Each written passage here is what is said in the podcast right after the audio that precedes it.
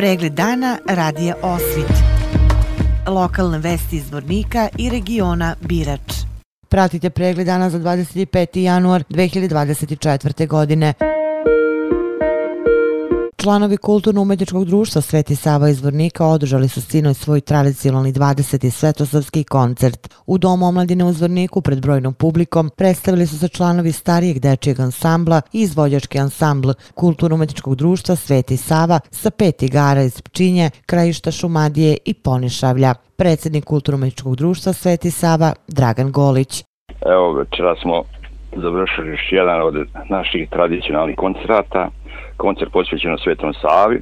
Mi i nosimo ime Svetog Savi, to nam je svakako s ponosom, i, ali je velika i odgovornost, ali eto, čini mi se da mi to dobro radimo i da ga s ponosom to ime i nosimo. Večeras je održan 20. po redu koncert posvećen Svetom Savi od kako nosimo ime kulturno-umjetničko društvo Sveti Sava, a prije toga smo 9 godina isto održavali svetosavske koncerte, ali pod eh, škola folklora osnovne škole Sveti Sava. Tako. Večera se predstavili stari dječji ansambl i naš izvođački ansambl. Odigrali su ukupno pet igara, igre iz Pčinje, Šumadije, Crnoriječa, Ponišavlja, Krajišta. To, I to je naš ovaj prvi koncert u ovoj novoj godini.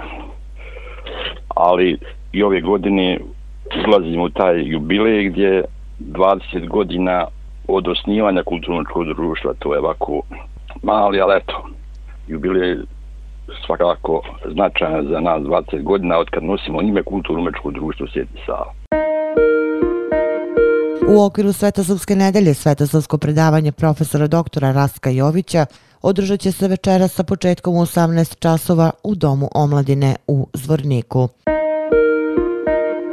Narodna biblioteka Zvornik u okviru obeležavanja Svetozavske nedelje danas i sutra organizuje upis po promotivnoj ceni. Godišnja članarina za penzionere je 3 konvertibilne marke, za učenike i studente 5 konvertibilnih maraka, za zaposlene deset, a nezaposlene 7 konvertibilnih maraka.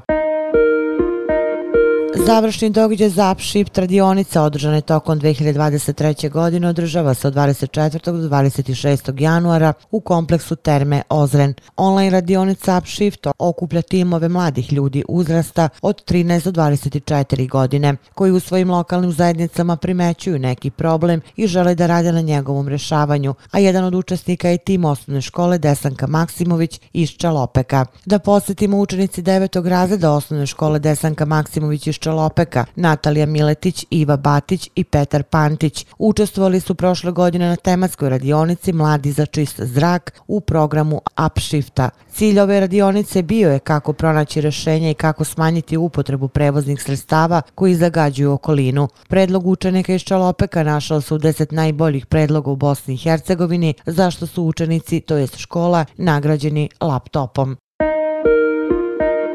Policijski službenici policijske uprave Zvornik su lišili slobode lice inicijala RK iz Zvornika zbog postanja osnova sumnje da je počinjelo krivično dela neovlaštena proizvodnja i promet opojnih droga i omogućavanje uživanja opojnih droga. Prilikom obavljanja redovnih poslova i zadataka policijski službenici su izvršili pregled lica RK, prilikom čega su kod istog pronašli i oduzeli dva providna PVC paketića sa sadržajem bele praškaste materije koja svojim izgledom asocira na opojnu drogu kokaina kokain. Ukupne bruto mase 29,4 grama, stoji u saopštenju policijske uprave Zvornik.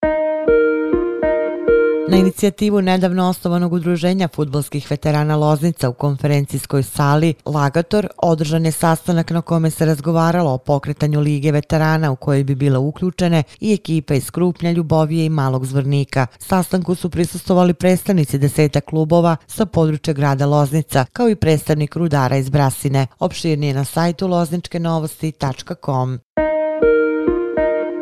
Pratili ste pregled dana za 25. januar 2024. godine. Hvala na pažnji.